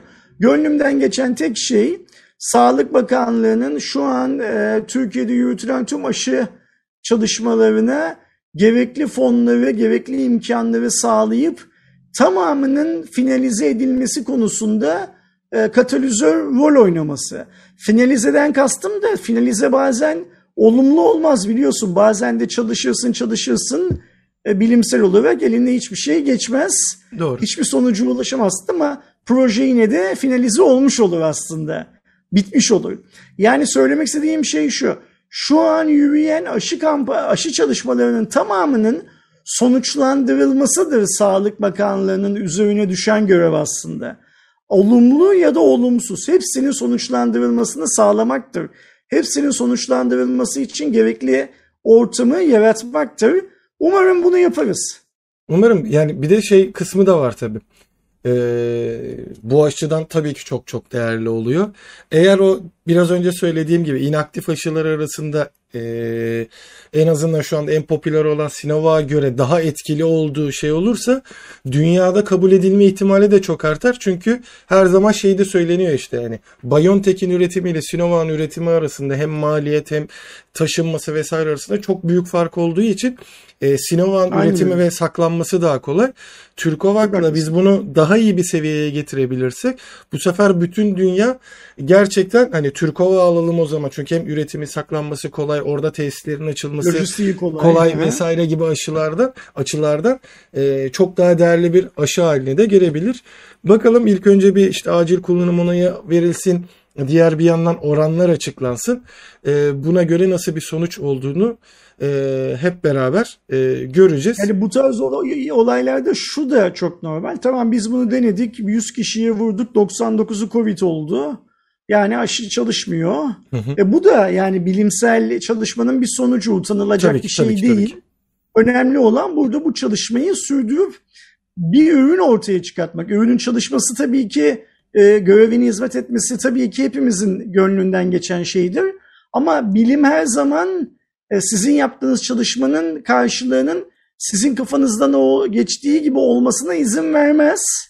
E, o yüzden de yani böyle şeyleri de çok da dert etmemek lazım. Aynen yani. Bakalım abi yani sonucu gelsin hep beraber umarım. E, görürüz aynen öyle. Güzel bir sonuç görürüz. Bir diğer yandan e, Almanya'da yapılan e, IAA Mobility fuarında artık yeni nesil araçları çok fazla e, görmeye başladık. En başta işte Mercedes-Benz bir diğer yandan 1-2 modelle de e, BMW tabii ki en popüler markalar olduğu için dikkat çekti. Daha öncesinde zaten Mercedes'in e, EQC yani EQC ve e, EQA modellerini görmüştük. Bir de EQS modeli vardı en üst model olarak. Şimdi EQE olarak e, S'nin biraz daha küçük versiyonu e, EQB modeli geldi. GLB'nin bu sefer e, elektrikli versiyonu ama şey olarak bütün basında da hani yerli yabancı bütün basında gördüğüm en büyük olay da Mercedes'in ikonikleşen o tank gibi duran G klasının da e, konsept açısıyla en azından %100 elektriklisinin çıkmasıydı. E, aynı tasarım dilini korumuşlar. Çok da güzel de görünüyor. Ama buradan artık şeyi de e, genel açıdan BMW'nin de işte kupe versiyonu iX olarak e, daha işte e, üst seviye bir e, SUV'nin elektrikliye geçecek olması gibi duyurularıyla e, şeyin çok yaklaştığını anlıyoruz artık. Elektriğe geçişin çok net bir şekilde e, yaklaştığını e, net bir şekilde bizlere göstermiş oldular. Şimdi bizim son zamanlarda ofiste en çok konuştuğumuz şey GLB ne kadar güzel arabaydı değil mi Aydoğan? Artık EQB ne kadar güzel araba diyeceğiz yani öyle mi? Evet evet yani komple çeviriyorlar. hani şeyde Volkswagen'in tabii ki orada Renault'un da birçok şeyi vardı e, duyuruları şey oldu. Ama artık şeyi görüyoruz yani e, içten yanmalı vesaire değil zaten artık dizeli neredeyse komple e, bırakıyorlar. E, tamamıyla elektrikli araçların ortaya çıkması. Ee, ben burada şeyi de çok merak ediyorum. Hani markalar nasıl bir tutum sergileyecek? Zaten Mercedes'in ilk amacı şeydi. Daha öncesinde de bunu açıklamışlardı. Piyasada olan ürettikleri her cihazın birebir karşılığının elektrikli e, versiyonun olmasıydı. Yavaş yavaş o sektörü dolduruyor EQ ailesi olarak. E, Mercedes ama BMW tarafı i adıyla zaten daha erken başlamıştı. Şimdi onları oradaki skalayı genişletiyor ve belli bir süre sonra diyecekler ki biz artık içten yanmalı motorda yani motorlu araçlarda üretmiyoruz. E, bu açıdan acaba nasıl bir şey etkileyecek onu çok merak ediyorum. Dünya genelinde nasıl bir algı oluşacak? Çünkü seveni de çok, sevmeyeni de çok fazla oluyor. Ee, ama bu sektör bizi zorlayacak ona. Bu, burada Aydoğan şöyle bir şey var. Dünyanın neresine gidersen git bir Alman arabası ekolü var. Yani Hı-hı. bak mesela e, Amerika'daki şirketler üst düzey yöneticilerine promo terfi ettikleri zaman e, verdikleri sözleşmelerde filan makam arabası olarak tahsis ettikleri arabadan sözleşmede genellikle parantez içinde Alman arabası diye bahsederler. Yani bu bir şeydir, e, statüdür. Hı hı. E, ona bir e, BMW ya da Mercedes e, makam arabası şey yapmak, vermek. Ki genellikle eğer şoförlü bir arabaysa Mercedes şey yapılır, tahsis evet, edilir. E-Class ya da S-Class. Aynen öyle. Şimdi Mercedes ile BMW e, gerçi BMW bu konuda biraz daha farklı hareket ediyor. Yani Mercedes çoktan şeyi kesti. E, dizel araba üretimini kesti. BMW hala üretiyor bazı segmentlerde ve bildiğim kadarıyla galiba 2025'e kadar da üretmeye devam edecek. Azaltarak sayıyı üretmeye devam edecek galiba. Ama her ikisi de hızlı bir şekilde şeye de geçiyorlar. E, elektrikliye de geçiyorlar. Evet. Şimdi bu iki şirket elektrikliye geçtikten sonra dünyanın geri kalanını yani dünyadaki geri kalan otomobil üreticileri e, istedikleri kadar şey yapsınlar, ayak diretsinler. Artık hani e, çok bir şansları yok. Evet. Kesinlikle. İster istemez o değişim başladı demektir. Aynen hani e, buradaki en büyük şans tabii ki Tesla oluyor. En büyük adımı onlar e, gerçekleştirdi. Yani. Hatta şeyi de hatırlıyorum zaten. E, Mercedes ve özellikle işte Volkswagen e, grubunun VAK grubundan gelen açıklamalarda Tesla'nın yolundan gittiklerinden şey yapmadılar mesela. Söylemekten çekinmediler. Sonuçta öncüsü e, Tesla'ydı. E, ama hani e, ben bu süreci beklediğimden hızlı görmeye başladım geçişlerde, dönüşümde. Burada şöyle bir şey var. Farkında mısın bilmiyorum. Son zamanlarda Tesla e, elektrikli araba yerine akıllı araba lafını çok evet. kullanmaya başladı. Evet evet Çünkü kesinlikle. Tesla da kendi ürününü e, diğerlerinden yani bu BMW'den, Jaguar'dan, e, işte Mercedes'ten ayırtma ayırt etmek için elektrikli değil akıllı olarak tanımlamaktan yana. Fakat bence şöyle bir şey var. E, hani bu geleneksel araba üreticilerinin Tesla'nın akıllı dediği seviyeye gelmesi Tesla'nın o seviyeye gelmesi için harcadığı zamanın yarısı kadar bile sürmeyecek. Yani biz mesela şimdi hani biraz önce şey dedik ya seninle e, biz bugüne kadar GLB'ye güzel araba diyorduk. Bundan sonra EQB'ye güzel araba diyeceğiz dedik ya. Hı hı. EQB'nin ikinci ya da üçüncü versiyonuna bir bakacağız. Bugünkü Tesla'larda akıllı özellik olarak ne varsa hepsini Mercedes'te, BMW'de, işte Porsche'da, diğerleri de sahip olmuş olacaklar. Çünkü bu tarz teknolojik gelişimler bu büyük şirketler için şey değil. Ee, hani para verip satın alınmayacak, baştan yaratılamayacak, baştan üretilemeyecek kadar zor işler değil bunlar. Hı hı. Hatta şey de çok konuşuluyor abi. Hatta buna Tesla başladı bu arada. Yeni bu Plate dediğimiz versiyonları çıktı işte Model S vesaire. Hı hı. Ee, mesela araçta arka koltukta ısıtma varsayılan olarak yani sistemi var üzerinde. Ama sen bunu e, ekstra şey ücret ödeyerek yani bildiğin aslında temel çapta oyunlardaki ya da işte e, aldığınız yazılımlardaki o deluxe sürüm işte pro sürüm gibi sürümlerle alacağınız hatta Tesla şeye de başladı. Aylık ödeme sistemine de geçiş yaptı. Yani birazcık ileride şey olacak gibi özellikle bu elektrikli araçlar ya da akıllı araçlarla beraber sen yeni bir model araç alacaksın e, ve paket sisteminde aslında artık gördüğümüz gibi fiziksel olarak hiçbir fark olmayacak araçlarda. Ama sen bunu yazılımsal olarak ücret ödeyerek şey yaparak ekstra özelliklerini açıp kapatma gibi bir e, sisteme dönecek gibi net bir şekilde görüyor. Yani şu anda nasıl Bu dijital pazar servisleri... o tarafa gider mi? Ne kadar gider göreceğiz. Biliyorsun BMW içinde bir şey var. Yani hani her 10 bin lira fazla verdiğinde Adam sana otomobilde hali hazırda olan ama senin kullanmana izin vermediği bir farklı özelliği kullanılabilir hale getiriyor. Hı hı. Farklı modellerinde. Hani şey derler ya BMW her şey için para ister. Mercedes her şeyi iyi paraya verir tek bir evet. seferde. E yani hani bu zaten markaların kendi e, pazarlama satış e, stratejileri arasında var. Tesla da şimdi senin de söylediğin gibi insanların zaten oyunlardan işte Netflix'ten şuradan buradan alışık oldukları bir abonelik bir ödeme sistemini şeye getirmeye, otomobil kullanımına kazandırmaya çalışıyor. Hatta atıyorum bunu şeyde bile görebiliriz. Yani hani kışın arka koltuğu ısıtmayı kullanacaksan kullandığın kadar öde. Evet. Aylık ee, gibi çözümler bile görebiliriz. Yani, Bence de. Ha bana bana çok akıl kârı gelmiyor. Yani arabayı veriyorsun, parayı satın alıyorsun, o donanımı satın alıyorsun. Ama onu kullanmak için ekstradan bir aidat ödemen gerekiyor gibi Aynen. bir şey var. Fakat bunu BMW'de de hala hazırda yaşıyoruz zaten. Hani burada şeyi çok merak ediyorum. Bu e, özellikle Türkiye'deki insanlar için çok işe yarar bir şey olabilir.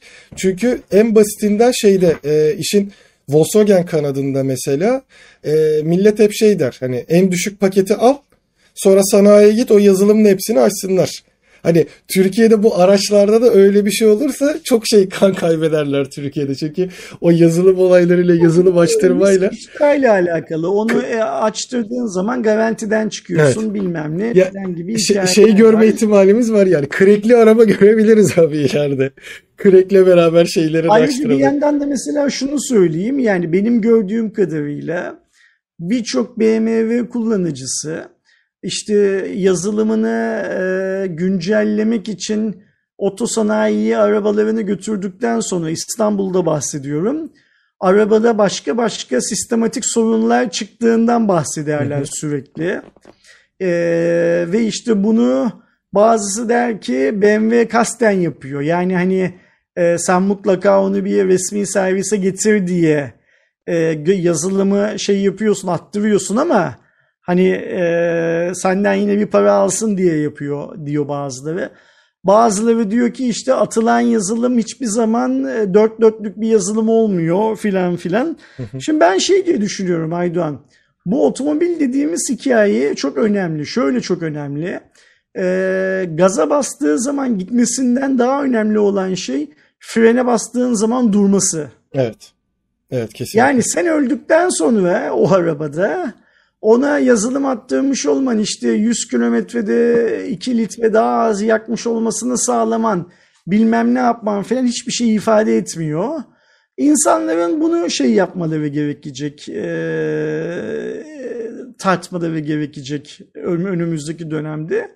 Ve e, markası ne olursa olsun işte her zaman güvenliğe dikkat ediyor olmaları gerekecek ki e, yapılan araştırmalar gösteriyor ki şu anda güvenlik dünyada otomobil alıcısının bir numaralı şeyi değil. E, e, baktığı yer değil. değil. Yani güvenliğe gelinceye kadar birçok farklı şey var, e, unsur var.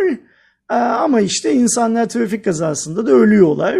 Her ülkede olanlar değişse de e, her ülkede ölüyorlar. Yani insanların trafik kazasında ölmediği ülke yok. E, o yüzden o yazılım atma bilmem ne yapma filan işlevinin de şeyine de bakmak lazım bence. Yazılım atılan ülkelerde acaba ölüm sayıları artıyor mu ya da bakmak lazım biraz. Evet. Yani orada tabii ki hani Euro NCAP testleri vesaire falan filan olarak baktığımızda e, insanların hani hem alım gücüyle alakalı olarak şey yaptığını çok görüyoruz. Bakalım ama sonuçta dediğin gibi hani sonuçta yazılım olarak dediğimiz şey resmi yerden çıkan bir durum olmadığı için her ne kadar oradan devşirme olsa da başka sistemleri de bozuyor olması çok şey sonuçta onlar bir dengede yapılıyor her ne kadar şey olsa da. Ama şey de başladı bakalım onu geçecekler mi? Hani bu modellerde direkt bakmadım ama genellikle yeni nesil elektrikli araçların çoğunda 180 sınırı e, getiriliyor. Yani sen istesen de bunu geçemiyorsun. Hem tabii Haklısın. ki orada bataryanın çok fazla e, kullanılması vesaire ısınma gibi birçok elementler var. İleride bu alışkanlık geldiğinde nasıl olacak? Ee, göreceğiz. Ee, Ayrıca elektrikli olmasa bile Volvo gibi markalar biz bundan sonra 180'i geçen evet. araba üretmeyeceğiz de diyebiliyor yani. Zaten o tam konuştuğumuz konu işte fren yapması önemli, güvenlik önemli dediğimizde yıllardır bunu her zaman Volvo öncülüğünü taşıdı. Ee, emniyet kemeri sistemini getiren birçok konuda şey yapan e, çevreye duyarlılık konusunda da ilk bu işte dizelden vazgeçme konusundaki duyurular yine yanlış hatırlamıyorsam Volvo'dan gelmişti. Ee, orada da belli bir standarda geçecek gibi.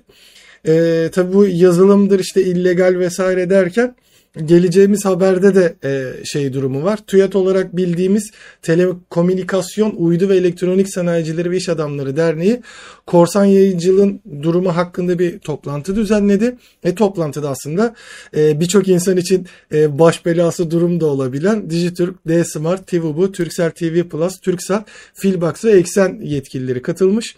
Bunlar da istedikleri e, Türkiye Büyük Millet Meclisi'nden illegal e, IPTV yayınlarına ilişkin bir yasa çıkması. Ee, bir diğer yandan BTK ile irtibat kurularak bunların engellenmesinin sağlanması açısından bir girişim başladı e, resmi olarak. Şimdi burada şu aslında olan şey TÜYAT bir komisyon kurmaya karar veriyor. Hı hı. Bu komisyon bazı şeyler yapsın, çalışmalar yapsın. Neye göre çalışmalar yapsın? Korsan yayıncılıkla mücadele yani korsan yayıncılık dediğimiz dedikleri yayıncılık da işte bu IPTV'ler ve kastediyor. Korsan yayıncılığa karşı bir çalışma yapsın e, ve bu çalışmanın Ticaret Bakanlığı'ndaki ilgili birimlere iletilerek e, bir kanuna dönüştürülmesi için çalışsın diye bir karar alıyor. Bu biraz şey tabii ki Aydoğan yani hani Nasrettin Hoca fıkrası gibi ben hani şuradan geçen koyunları e, tüyleri dikenlere takılsın da oradan iplik yapayım da bilmem ne filan filan gibi. Ama aslında iş öyle değil. Aslında Türkiye'de olan birçok şey böyle oluyor. Yani hı hı. biz geçmişte iyi mi kayıt ücretlerinin bu kadar artmasının nedeni olarak da yine ilgili STK'nın yaptığı ve Ticaret Bakanlığı'na sunduğu e, raporların etkili olduğunu gördük. Her ne kadar bakanlık ilgili STK'nın raporu kapsamında bir karar almasa da ha evet bu iyi mi iyi kayıt ücretlerini arttırmak lazım deyip bir anda şey yaptı, zıplattı. Burada da ne çıkar bilmiyoruz ama şu çok önemli tabii ki. E, Dijitürk, D-Smart, TV Bu, Turkcell TV Plus, Turksat, e, Filibox ve Eksen bir araya gelip e, bazı konulardaki dertlerinden bakanlığı haberdar ederlerse bakanlık buna şey yapmayacaktır. E, kulaklarını kapatmayacaktır öyle tahmin ediyorum. Bana da öyle geliyor ama bu duyurudan hemen sonra tabii ki tepkiler gelmeye başladı. Neden? Çünkü e, işte hatta birçok şeyde işte Katarlılara geçmesi, işte Dijitürk'ün artık Bein Sports yani Bein bünyesinde olması ve Bean'e geçtikten sonra hem örneğin futbol yayını da temel olarak Dijitürk dediğimizde aklımıza gelen şeylerden biri olduğu için ne e, bizim kulüplerimiz memnun çünkü gitgide o e, TV gelirlerini düşürmeye çalışan bir e, yapı var. Diğer yandan biz kullanıcılara da yani asıl takip eden kitleye de fiyatının sürekli artması gibi bir durum var. E, buna bir çözümü işte IPTV falan yasaklayarak değil buna bir orta yol bulunarak olabilir. Çünkü gerçekten e, şey olarak da e, tamam Netflix işte hadi ekseni de dahil edebiliriz ki eksen de daha yeni şeyleri açıkladı. E, işte şampiyon UEFA liglerinin şeylerini 25 lira gibi bir normal üyeliğe ekstra bir ücret vermeniz gerekiyor e, bu maçları izleyebilmek için eksen platformunda. Bu birçok insan için insanların kendi gelirleri vesaire düştüğünden dolayı e, biz bunu isteyerek yapmıyoruz. Aslında zorundayız diyorlar işte en başta. O. Selçuk Sports dediğimiz platform olmak üzere ya da IPTV'nin alması. Siz bunları daha makul hale getirin. E, biz de tabii ki o zaman gidip e, kaçak binlerce e, reklam görünen işte e, o bet e, sayfalarının reklamlarından geçilmeyen yerleri değil size belli bir ücret ödeyerek bu hizmeti alalım diyorlar. E, burada bir dengesizlik var ve, ve bence bu denge hiçbir zaman e, kurulmayacak gibi geliyor yani. Dijitürk'ün falan buradaki amacı tabii ki oradan çok yara alıyorlar. E, çok büyük bir gelir kayıpları var. Ama bunu tamamıyla engelleseler bile bence ekstradan bir gelir kazanma gibi durum olmayacak. İnsanların artık zaten kötü giden işte yayının başında da konuştuğumuz başta milli takımlar ya da bizim ligin seyir zevkinin düşmesinden kaynaklı. Buna siz daha çok zorladığınızda bence daha fazla üye kaybedecekler. Hatta genel olarak burada Benim Türk futbolu da kaybedecek. Kaliteli bir futbol değilse o futbolu izlemek için insanlar çok para vermezler. İş bu kadar basit. Aynen. Sen kaliteli futbol oynayacaksın. Liginin değeri yükselecek insanlar o zaman şey yapacaklar, izleyecekler. Yani Michael Jordan tek başına Michael Jordan değil. Ee, evet. Messi tek başına Messi değil. Ee, hani işte bu efsane Beşiktaşlı üçlü ya da Rıdvan tek başına Fenerbahçe değildi bunlar ama hı hı. insanlar bu insanları izlemek için televizyon karşısına da geçiyorlardı. Bu takımları tutmasalar bile. Öte yandan bir de şunu hatırlatalım ve hemen bir sonraki haberimize geçelim. Ee, bu ülke zamanında YouTube'u da yasakladı Aydoğan. Yasaklamak hı hı. çok zor bir şey değil. Ve o zamanki Cumhurbaşbakan, şimdiki Cumhurbaşkanımız e, ya yasak ama insanlar nasıl gireceklerini zaten biliyorlar dedi. Yani. Yani sen IPTV'yi yasaklayabilirsin. Sadece girişi zorlaştırırsın. Başka da bir şey yapamazsın. Buradan eksen olarak, buradan Dijitürk olarak, buradan diğer platformlar olarak arzuladığın gelir artışını alabilir misin? Bence alamazsın. Onu almak için daha kaliteli içerik, yani nedir o daha kaliteli içerik? Daha iyi futbol, atıyorum daha iyi neyse verdiğin, o onun olması gerekiyor. Sen daha iyi içerik vermeden daha çok para kazanamazsın. İş bu kadar basit. Kesinlikle yani. Olay bundan ibaret. Gelelim sıradaki haberimize. Yani aradan geçen galiba e, 22 yıl mı oluyor ilk filminden bu yana? Matrix'in e, Matrix 4 ya da Resurrection için fragmanı sonunda yayınlandı ve vizyon tarihi de Christmas olarak açıklandı. Yani 22 Aralık 2021. E, izledin mi abi şeyi fragmanı? Dün değil ondan önceki gece izledim Aydoğan. Zaten hemen e, Warner Türkiye Türkçe altyazılısını da dün evet. eklemiş gördüğüm kadarıyla. E, yani hani heyecanlanmamak mümkün değil. Evet ama yani şey de şu an e, insanlar ikiye bölünmüş durumda. Bir e, hani gördüğümüz Neo değil daha sonrasında işte ayrı bir seri olarak hani karşımıza çıkan John Wick'in çok hani şey olarak ama e, bir diğer yandan da olay şeyden ziyade hani e, Matrix'ten ziyade biraz daha aksiyon filmine dönmüş gibi. Benim ama tabii bu konuda hala umudum var. Çünkü e, yani fragmanda bir şeyi göstermemeyi seçmiş tabii ki olabilirler. Sadece aksiyon sahnelerini gösterip. O fragman şimdi Matrix zaten içi aksiyon dolu bir aksiyon sahnesi dolu bir filmdi. Yani düşünsene biz bir bölümünde adamların e, mermiyle koca binanın sütunlarını evittiklerini izledik ve bu galiba evet. 4 dakika 5 dakika falan sürdü. Ben hiç o eleştirilere katılmıyorum. Yani ayrıca şeyi de şu John Wick hikayesine falan da katılmıyorum. Şu yüzden katılmıyorum. Adam da yaşlanıyor tabii Aydoğan. Ne Tarzı bu yani. Ne yapacağız bekliyoruz. Ben şunun peşindeyim. Eğer bu yeni filmde e, bizim daha önceki izlediğimiz 3 filmde e, kafamızda yeri dolmayan bir iki tane Matrix'le ilgili e, nokta varsa onlara cevap veriyorsa benim için şeydir ne derler okeydir olmuştur yani hiç şeye bakmam. Çok hoplamalıydı, çok zıplamalıydı, bilmem neliydi filan filan. Hiç onlara bakmam. Mesela bu fragmanda hani tanışıyor muyuz diyor ya. Evet.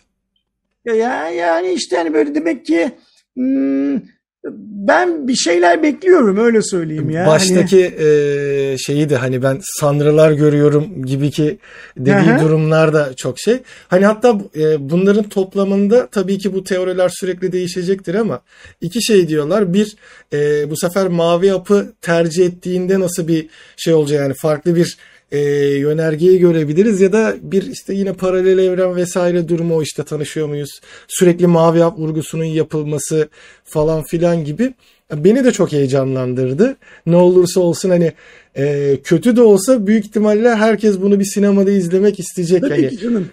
Sonuçta o kadar yıldan sonra gelen ve günümüz e, bilim kurgu dünyasını net bir şekilde şey yapabilen şey konusunda da haklısın bence. Hani millet hani e, işte Matrix'e çok fazla benzemiyordu fragman dediğimizde işte daha çok artık aksiyon filmi gibi olmuş gibi düşüncelerde. Sonuçta o işte 2-3 dakika süren fragmana da Matrix'in sana sunduğu alt metinleri tabii ki koyamaz ki en büyük e, artıları oydu. Hatta ben şey de yapacaktım. Ama eminim şu anda Matrix'in e, birin, ikinin, üçün şeylerine baktığımızda fragmanlarına baksak yine o aldığımız işte o bize veren Ultimate'in doluluğunu zaten vermiyordur.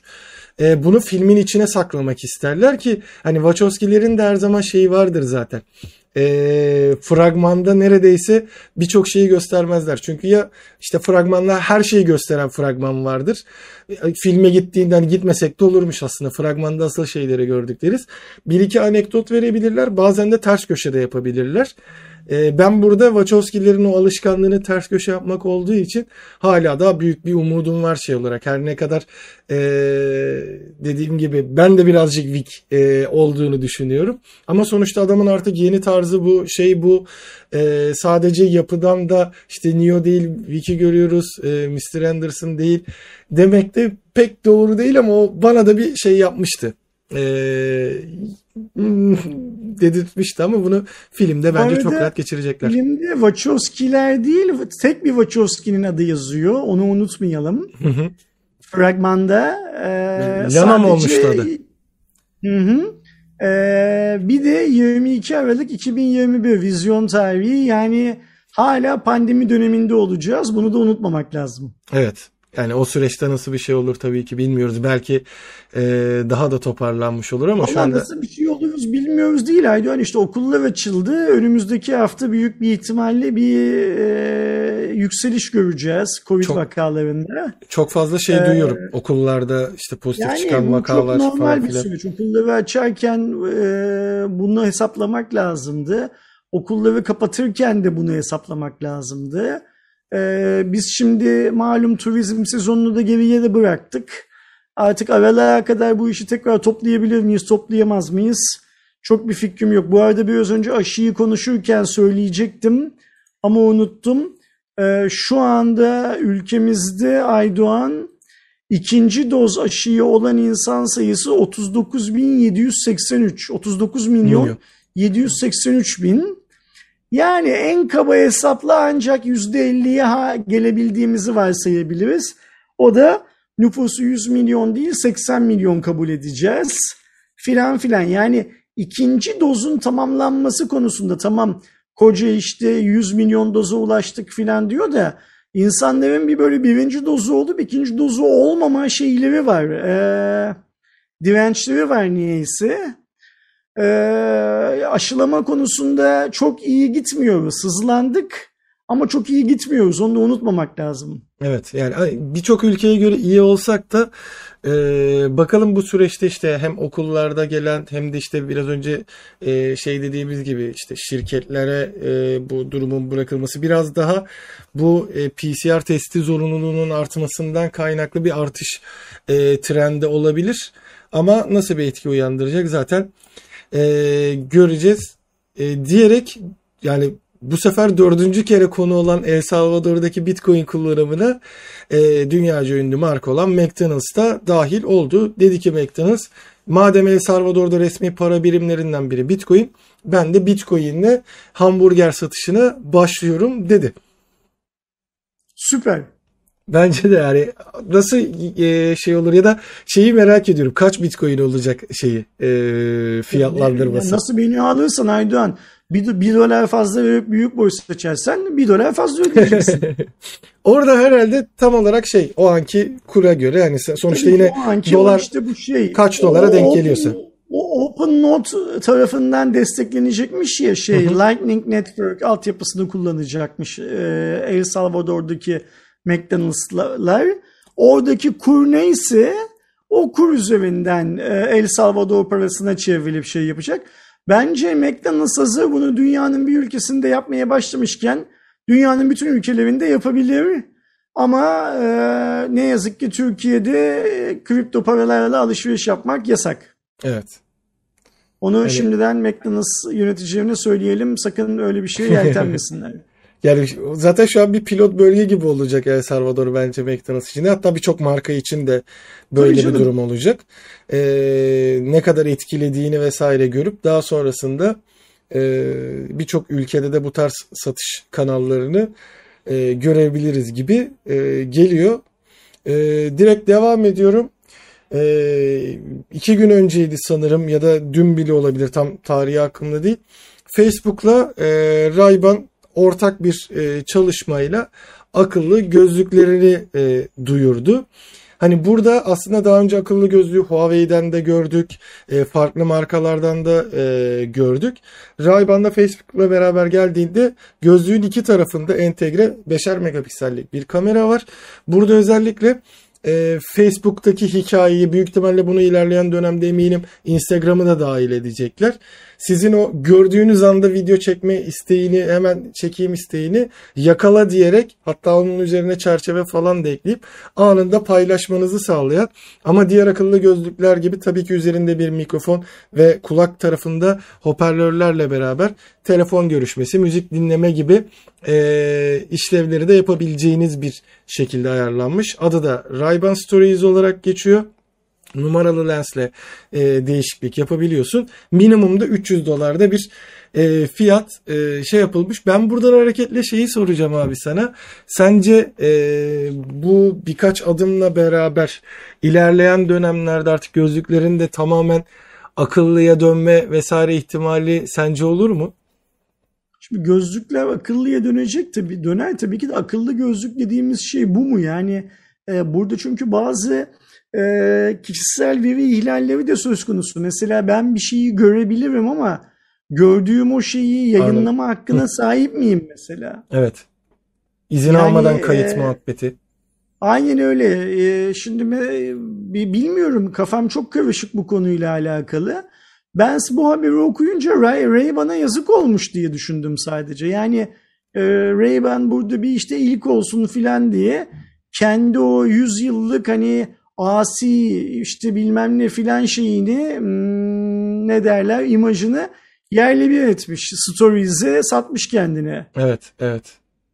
Yani e... ben şey konusunda çok emin değilim Aydoğan. Bu işte gözlükte kulakta mikro e, hoparlör var müzik dinliyorsun ya. Bu iyi bir fikir mi? Bunu çok fazla şey yapamıyorum. Yani e, kulaklığımız var zaten. Kulaklıkla dinliyoruz bu müziği. Evet. Daha kaliteli bir ses alıyoruz şeyden. Etrafımızdakileri rahatsız etmiyoruz. Yani ee, Google şey... biliyorsun buna benzer bir gözlük yaptı zaten ve geliştirme aşamasından nihai ürüne çevirmedi. Projeyi durdurdu sonra. Hı hı. Yani zaten aslında ya. bunlar akıllı gözlük denen şeyin Google'la Sony'nin zamanında yaptı. Yani benim ee, oturup konuşsak ya da birçok insana sorsak akıllı gözlük dediğinizde ne olacak diye. Ben hani karşıya bakarken işte örnek veriyorum telefonumdan gelen bildirimleri bir yere giderken yol tarifini e, artırılmış gerçeklikle gözlükten işte sağa dön sola dön şeklinde olmasıyla akıllı olduğunu düşün. Tamam yine tabii ki konuşma fonksiyonu olsun okey ama e, yani işte burada iki kamera olup e, story çekmenin şey olması e, çok da akıllı gözlük yapıyormuş hissiyatına şey yapmıyor. Bu işte en son Huawei'nin Gentle Monster'la yaptığına baktığında tamam keyifliydi. E, ama dediğim gibi mesela ben onu ee, şey formunda sürekli denediğimde ne gibi avantajı olacağını göremedim tabii ki. Numaralı yani benim normalde sürekli taktığım. Güneş gözlüğü olarak düşünülebilir. Tamam sen güneş gözlüğü taktığında sahilde oturuyorken, yürüyorken vesaire e, o formdaki bir gözlüğü kullanmak okey e, ama özellikle şeyde belli eder zaten kendini e, hemen böyle story çekeyim, bunu kayıt altına alayım merakı da Amerika'da çok fazla olduğu için e, Amerika'daki e, satışlarının ardından ne gibi ihlaller doğuracağını hep beraber görebiliriz. Çünkü bu e, şeyde çok fazla görüyorduk. Yani işin en absürt tarafını, madalyonun diğer yüzünü e, Black Mirror'da lens açısından görüyorduk. Bu da çok farklı bir şey olmaz. Yani oraya doğru gidiyor gözlük versiyonu. Neler çıkacak göreceğiz. Ee, bir diğer yandan e, geçtiğimiz haftaydı yanlış hatırlamıyorsam Avrupa'nın e, en verimli havalimanı olarak e, seçilmişti İstanbul Havalimanı. Şimdi de dünyanın en iyi ilk 10 havalimanı açıklandı ve burada Singapur'un Changi-La Havalimanı olması lazım ve yıllardır birincinin ilk oluyan Singapur Havalimanı'ndan sonra İstanbul Havalimanı da en iyi ikinci havalimanı seçilmiş. Buradaki yapılan şeylerde e, limana erişim, check-in, güvenlik, yeme içme alanları, alışveriş ve tasarım açısından değerlendirmelerle e, yapılıyor ve gerçekten dünya genelinde de e, en çok kabul edilen e, bir e, şey bu değerlendirme sistemi. E, Travel and Leisure tarafından gerçekleştirildi ve bir ikinci sıraya çıkmışız İstanbul Havalimanı ile beraber. Yani limana erişim bir kıstassa ya yeni İstanbul Havalimanı nasıl bu kadar iyi puan almış ona biraz hayret ederim ama e, sonuçta yeni bir bina, modern bir mimari, birçok şey binanın içinde düşünülmüş filan. O yüzden hani e, evet ben yeni İstanbul Havalimanı'nın yapılmasını onaylamayan insanlardan bir tanesiyim. Ee, ama yapıldığı zaman da kullanmak lazım onu. Ee, fakat hani ne, ne kadar çabuk böyle ikinci en iyi e, havalimanı haline gelmiş ve hatta e, insanların havalimanına erişimi de bir şeyken, e, konuyken. Çünkü şöyle bir şey var. Bu yeni İstanbul Havalimanı dediğimiz yapı İstanbul sınırlarını zorluyor. Evet. Hani şeyler yani, falan da vardı ee, işte o ÇED raporları falan filan hani e, bu tarz şeylerde onlar dahil ediliyor mu bilmiyorum da e, belki de genel verimlilik olarak baktığımızda e, yeni bir havalimanı olarak şey olması kısmen şey ki şimdiye kadar galiba 3-4 kere falan e, kullandım orayı ben de. E, her kullandığımda... Zaten talihsiz bir havalimanı çünkü havalimanı açıldıktan bir süre sonra işte bu pandemi sürecine girdik. Hı hı. İster istemez yani çalışamadı, yarı kapasiteyle çalıştı. Biz işte en son bu Azerbaycan'a giderken havalimanının yarısı kapalıydı filan filan. Bunların hepsi ayrı mevzular. Ben kişisel olarak dediğim gibi yapılmasına karşıydım. Ama kocaman bir bina yani kocaman bir tesis. Oraya bir kent, oraya bir kasaba kurulmuş böyle boşluğun ortasına gibi. Tabii boşluk değilmiş yani ağaçlar kesilmiş bir şey konulmuş oraya. Kocaman bir bina ve yeni olduğu için de tabii ki şey olacaktır. Ee, ne derler sıralamalarda iyi puanlar alacaktır tabii ki. Ama hani İstanbul il sınırlarını zorlayan bir yere o büyüklükte bir havalimanının yapılması e, yani şöyle söyleyeyim ben İstanbul'da doğup büyümüş bir adamım. Hayatımda İstanbul'un öyle bir yeri olduğunu ilk kez havalimanına gittiğim zaman fark ettim. E, çok uzak yani İstanbul'un her noktasına çok uzak. Beylikdüzü'ne yakın diyorlar. Beylikdüzü'nün ne kadar İstanbul olduğu tartışılır. Beylikdüzü'ne de uzak. Hani evet. yakın olduğu bir yer yok ki. Ya Beylikdüzü'nden zaten hani işte oradaki arkadaşlarımın yanına falan gittiğim dönemde Beylikdüzü'nden çıkıp işte e, Beykoz'a dönerken ilk gördüğüm tabela çevre yolunda İstanbul tabelası oluyor zaten. Gerçekten Beylikdüzü'nden gelirken İstanbul diye tabela oluyor. İstanbul'a şu kadar kilometre var diye. Hani aynı durum yani bu, diğer tarafta Pendik'te falan da geçerli. Buna bakmak lazım Aydoğan. Bir pergeli eline alırsın e, işte ana merkezini atıyorum bu havalimanından mı bahsediyoruz? Havalimanına koyarsın o hani e, sabit olan ucunu. E, açılarla e, yarım aylar çizerek e, hangi derecede o şehrin kaç milyon insanının yaşadığını hesaplarsın bence. E, böyle bir hesaplama yaparsak İstanbul Havalimanı büyük bir ihtimalle İstanbul'da yaşayanların yarısından fazlası için çok uzakta kalıyordur diye tahmin ediyorum. Evet. Yani uzakta değil bak çok uzakta kalıyordur diye tahmin ediyorum. Hani e... ben şahsen Sabiha Gökçen'i sevmeyen bir insandım. Şimdi artık Sabiha Gökçen ne kadar güzel bir havalimanı diyorum. Keşke oradaki ikinci pisti de bir bitirebilseler. O da o zaman yani çok şey olacak. Yani aynen öyle. Keşke bir an önce hükümet oradaki ikinci pistin tamamlanması için inisiyatifi eline alsa ve havalimanının hiç biliyorsun Sabiha Gökçen'de bir araştırma yapıldı ve e, işte alandan içeriye giren bir insanın kendi bavulunu 40 keremini eline almak zorunda kaldığı tespit edildi. Hani bu güvenlikteki masaların aynı ölçüde olmaması vesaire vesaire gibi şeyler yüzünden İnşallah o iç düzenlemeler falan da bir an önce yap- yapılır da mesela ben kendi adıma söyleyeyim. Benim gibi e, işte son 2-3 yıldan beri Anadolu yakasında ikamet eden birisi için şeyi Yeni İstanbul Havalimanı'nı bir seçenek olmaktan çıkartır inşallah Sabiha Gökçen. Çünkü Yeni İstanbul Havalimanı'na gitmek çok zor. Evet yani bir de şey de var. Ee, hep bu konu çok uzun süre tartışıldı özellikle işte havacılık basınında. Ee, İstanbul Havalimanı yapılmaya başlamadan önce de olabilir ya da yapıldığı dönemde Sabiha Gökçen'in ikinci pist e, planı ve yani az çalışmalarına başlatıldı. Orada işte kocaman dediğimiz ve dünyanın en iyi ikinci havalimanı yapılırken e, Sabiha Gökçen'e çok gerekli olan ikinci pist yapılmadı ve bu işin şey tarafında işte İstanbul Havalimanı'na e, o sayının e, yüksek olması sağlanması için. Çünkü şeyi de çok görüyorum. E, her ne kadar insanlar e, işte özellikle Anadolu yakasında İstanbul'un Anadolu yakasında yaşayan insanlar Sabiha kullanmakta e, tercih ediyorlar olsa da sürekli rötörler görüyor. Bu bazen tabii ki oradaki en çok uçuşu yapan Pegos'a şey yapılıyor. E, mal ediliyor.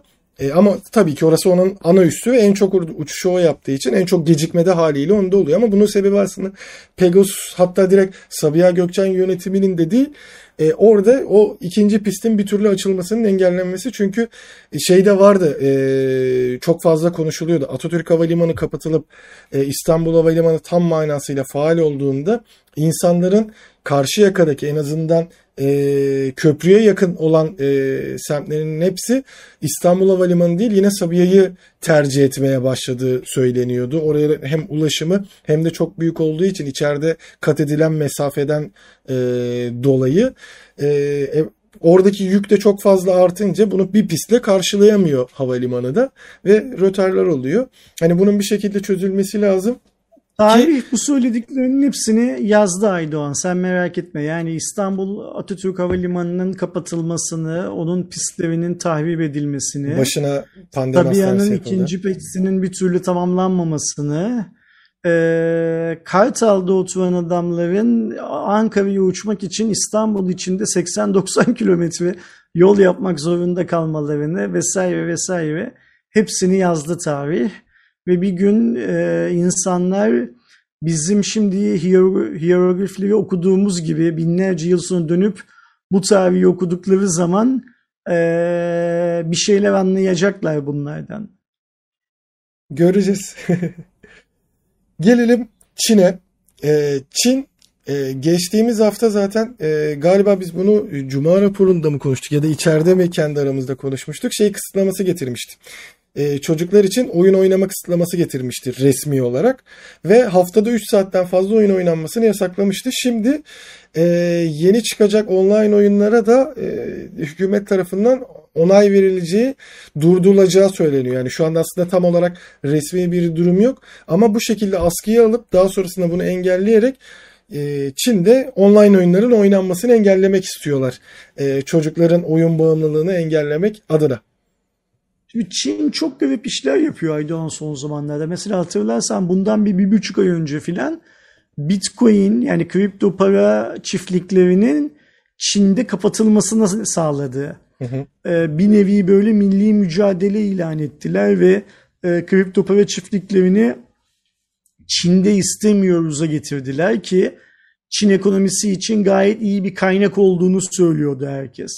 Evet. Şimdi niye bunu söyledim? Online oyun şirketlerinin de büyük bir çoğunluğu Çinli, Çinli şirketler Aynen. aslında. Yani e, Çin bu online bir tane o, o, e, mobil oyun geliştiriyor. Bir mobil oyun motoru geliştiriyor. Sonra aynı şirket o mobil oyun motorunun üstünde 100 tane 150 tane birbirinden farklı senaryo yazıp sadece kozmetik değişiklikler yaparak aynı motorla aynı oyunları piyasaya sürüyor. Bugün 100 ee, tane e, HVP takipçisinin cep telefonunuzda hangi oyunlar yüklü anket yapsak e, çıkan oyunların en az %70'i Çin menşeili oyunlar Direkt çıkar. Tencent'in çıkar hatta. Aynen öyle yani şimdi Çin bir şekilde yeni oyunlara da onay vermeyi durdurarak e, Çin'de 3 saatten fazla oyun oynanmasını yasaklayarak filan kendisine bu kadar çok para kazandıran bir ekosistemin daha önüne geçiyor. Yani bu şöyle bir şey. Ee, hatırlıyor musun? Hatırlar mısın? Ee, dördüncü Murat e, alkolü yasaklıyor ama kendi içmeye devam ediyor. Evet. Ve diyor ki işte zararlı halkım içmesin diyor. Tebaam içmesin o yüzden yasakladım diyor mesela. Şimdi Çin de kendi halkını burada bir zarar varsa bu zarardan koruyup dünyanın bunu tüketmesini mi bekliyor acaba? Ya da mesela kendisi onay vermezse oyun geliştiriciliği işinin Çin'de devam etmeyeceğini bilmiyor mu? Ne yapmaya çalışıyor? Çok bak ben burada şeyi savunmuyorum. Yani çocuklar sabahtan akşama kadar oyun oynasınlar, bilmem ne yapsınlar filan savunmuyorum. Bence bu hükümetten öte ebeveynlerin üstüne düşen e, yükümlülükler bunlar. Ee, yani ebeveynler şey yapmalılar, e, ne derler, sahip çıkmalılar çocuklarına. Onlar karar vermeliler ne kadar oynanacağını ama şimdi biz yeni online oyunlara oynay vermeyi durdurduk dediğin zaman o zaman Çin'deki oyun şirketlerinin tamamına hadi siz kapatın gidin demiş oluyorsun. Hindistan'a kaptırırsın ya da e, çevrede mesela Yani Hindistan'a kaptırırsın, St. Petersburg'a kaptırırsın, e, Avrupa'ya kaptırırsın, Amerika'ya kaptırırsın. Çünkü bu artık muazzam büyük bir pazar. Yani ben Çin ekonomi, ekonomisinin şu online oyunların kazancının ne kadar olduğunu bilmiyorum ama eminim az değildi Verdan. Düşünsene Türkiye'deki çocuğun bir lirası bile yeri geliyor Çin'e gidiyor o para. Evet bir de şeyde çok büyük e, etken oluyor. Şimdi genellikle e, Çinli firmalar, Çinli oyun firmaları ilk testlerini ya da farklı bir oyunla dediğin gibi kısmen test olabilecek şeyi Çin'e açıyor. Çin'de oynatıyor. Eksiklerini falan filan görüp sonra Avrupa'ya açıyor. Ve e, Çinli oyun geliştirici firmaların belki de en büyük gelir kapısı zaten Çin'di. Yani Çin'deki oyunculardı. Evet. Onu sen yok sayıp e, şey yapıyorsun. Hani birçok Avrupa'daki firma Çin'e girmek için şey yapıyordu. E, can atıyordu. Çünkü sen bütün dünyada oynattığın e, oyuncuları oynarken Çin'e açtığın anda en kötü ihtimalle yarısı kadar bir kitleye daha ulaşmış oluyorsun. Hani orada işte oynayan kitle olarak diyorum. Hatta bazen e, birçok firma var Çin'e açıldıktan sonra gelirlerini iki kattan fazla arttırmaya başlıyor. Çin'in o devasa Çünkü kalabalık Aynen. Yani tek başına muazzam bir pazar. Sen kendi işte oyun şeylerinden de şirketlerinden de bu gelir kapısını yani seni aslında daha da yükselten işte ileride zaten işte Çin'in çok büyük güç olması falan filan senaryolarında bile en azından oyun tarafında sen kendi kendine e, topuğuna sıkmış oluyorsun. Bakalım hani bu evet. resmileştiğinde vesaire nasıl bir sonuç çıkacak onu ben de çok merak ediyorum. Deyip e, haftanın son haberine geliyorum. Ee, benim gerçekten gördüğümde çok şaşırdığım bir haberdi. Son dönemde Xiaomi'nin özellikle akıllı telefon bazında zaten birçok markayı geçip işte ya birinci ya ikinci olduğunu görüyorduk. İşte akıllı saat tarafında ama bence bu e, sadece akıllı saat değil e, akıllı işte bilekliğin de dahil olduğu bir ekosistem olduğunu düşünüyorum. Bu pazarda Apple Watch'un e, ezici üstünlüğünü geçerek Xiaomi e, 2021 ikinci çeyreğinde en büyük akıllı saat üreticisi olmayı başardı. Şimdi nasıl başarmış? Xiaomi 8 milyon adet satışa ulaşmış. Apple 7.9 milyon. Evet. Yani arada 100 bin fark var. Xiaomi ne satmış? Mi Band 6 satmış. Yani piyasadaki en ucuz e, üründen satmış. Apple, Apple ne satıyor? En pahalısını satıyor. En pahalısını satıyor. Apple en pahalısından 7 milyon 900 bin tane satmış. Xiaomi büyük bir ihtimalle bu 8 milyonun en az %50'sini %60'ını en ucuzundan satmıştır. Ve aradaki fark 100 bin olduğu için e, 2021'in ikinci yarısında Xiaomi akıllı saat segmentinde Apple'ı geçmiş oluyor. Hı hı. Ee, hep söylüyorum ya Aydoğan rakamlar çok güzel oyun alanları bazı şeyler için insanlar için neyi nasıl satacağını biliyorsan çok güzel senaryolar şey yapabilirsin e, kurabilirsin e, ve Xiaomi'de artık hani böyle ne kadar güçlü olduğunu çok çok iyi biliyor bir böyle şeye geldi enel hak seviyesine geldi artık yani hani ben Xiaomi'yim diye bağırabiliyor artık dünyada rahat rahat. Hı hı. Ee, sektör için çok önemli, çok muazzam bir şey, e, satın almacı. Herkese para kazandırıyor filan. Evet. O yüzden de böyle işte kalkıp e, Apple'ı bile geçtim diyebiliyor. E, Mi Band'le Apple Watch'u kıyaslayıp şey yapacaksın. E, Xiaomi Apple'ı bile geçmiş diyeceksin. Aynen. ya yani miden kaldırırsa miden kaldırırsa söyle yani bunu hani. Yani şeyin artması Ayrıca tabii ki... şöyle bir şey var şimdi haberin detaylarına baktığımız zaman görüyoruz. İşte Huawei'ye uygulanan ambargo yüzünden Huawei'nin Amerika'daki satışlarının acayip düşmesi, o düşüşten en büyük payı Xiaomi'nin alması filan filan da bu 7.9 milyonluk Apple satışına 8 milyonluk Xiaomi satışıyla cevap verilmiş olmasının kıstaslarından birisi. Yani şöyle düşün. E, her şey Xiaomi'nin lehine gerçekleşmiş. 30 dolarlık e, şey Mi Band bilmem kaç yüz dolarlık iWatch, şey, Apple Watch'tan 100 bin daha fazla satmış. Evet. Ya şey arttı tamam onu anlıyoruz. Hani Mi Band kardeşliği muhabbeti e, senin daha önce anlattığın o e, hikaye şu an dünya genelinde artıyor ama dediğin gibi hani e, işin şeyi de var ki e, bence ilerleyen dönemlerde buradaki asıl şey olacak e, marka Huawei olacak. Çünkü hani Türkiye içerisinde satılan modellerle baktığımızda kimsenin Mi Watch'u sevdiğini görmedim. Hani Mi Band ayrı bir dünya ama Mi Watch e, şey olarak yeterli değil. Ne Huawei'ye Mi ne Band'i şey. insanlar niye seviyorlar? Ucuz diye seviyorlar Aydoğan. Aynen ucuz bildirimi Dikkat görüyorsun et, şey. Xiaomi her Mi Band'de fiyatı e, her yeni Mi Band versiyonunda fiyatı arttırıyor ama tabii ki Mi Band'deki fiyat artışları yarım dolar bir dolar olduğu bir dolar civarında olduğu için insanların çok gözüne batmıyor. Fakat oransal olarak bakarsak bun- bunlar büyük fiyat artışları. Evet. Kesinlikle. Yani bir de şey de var. Yani Ee, şeye baktığımızda işin mesela hem Türkiye'deki hem globaldeki editörlerine baktığımızda ben şimdiye kadar hiç kimse de kolunda e, yani deneyip incelemesini yaptıktan sonra Mi Watch takan görmedim. Mi Band takan çok gördüm. E, Huawei'yi çok fazla görüyorum ki sende de bende de mesela şu an Huawei saat var. E, Apple Watch'u tamam çok görüyorum. Ama hiç kimse de bir Mi Watch'u takıldığını görmedim mesela. Yani o açıdan gelişmesi Yani lazım. Seni beni bırak işte mesela izleyicilerimizle, takipçilerimizle bir araya geliyoruz. O toplantılarda kimsenin kolunda Mi Watch görüyor musun? Yok.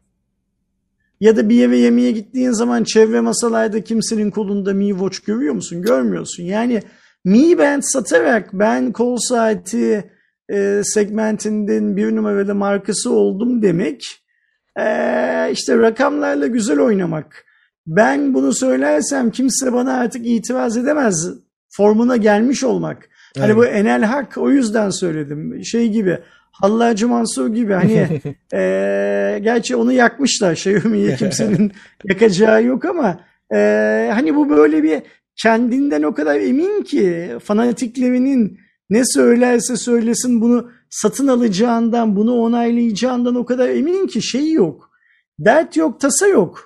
Evet. Para geliyor. Yani Mi Band çıkartıyor, adam alıyor. Mi Band çıkartıyor, adam alıyor. Ee, bu böyle bir dünya haline geldi. Yakında bir Allah korusun birisi vefat edecek ve 10 tane Mi Band miras bırakacak gibi. Onun gibi. Öyle bir dünyaya Evet, gidiyoruz. evet, evet kesinlikle. Neyse bu haftayı da böyle bitirdik Aydoğan 171. Cuma raporunu da. Aynen. Uzaktan yaptık. Kusura bakmasın arkadaşlarımız. Gücümüz bu kadarına yetti. Önümüzdeki hafta meşhur HVP stüdyolarında tekrar karşılarında oluruz. Evet, Ee, kesinlikle. Aydoğan kendi odasından, ben otel odasından katılabildim. Önümüzdeki hafta koltuklarımıza kuruluruz. O koltuklardan devam ederiz. Aynen. Aydoğan ben yarın İstanbul'a doğru yola çıkıyorum. Pazartesi Bekleriz sabah abi. ofiste görüşürüz. Görüşmek üzere. İyi bakın kendinize. Sizler de arkadaşlar kendinize iyi bakın. Haftaya Cuma raporunda yine Aydo ile birlikte karşınızda oluruz. O güne kadar hoşçakalın. Hoşçakalın.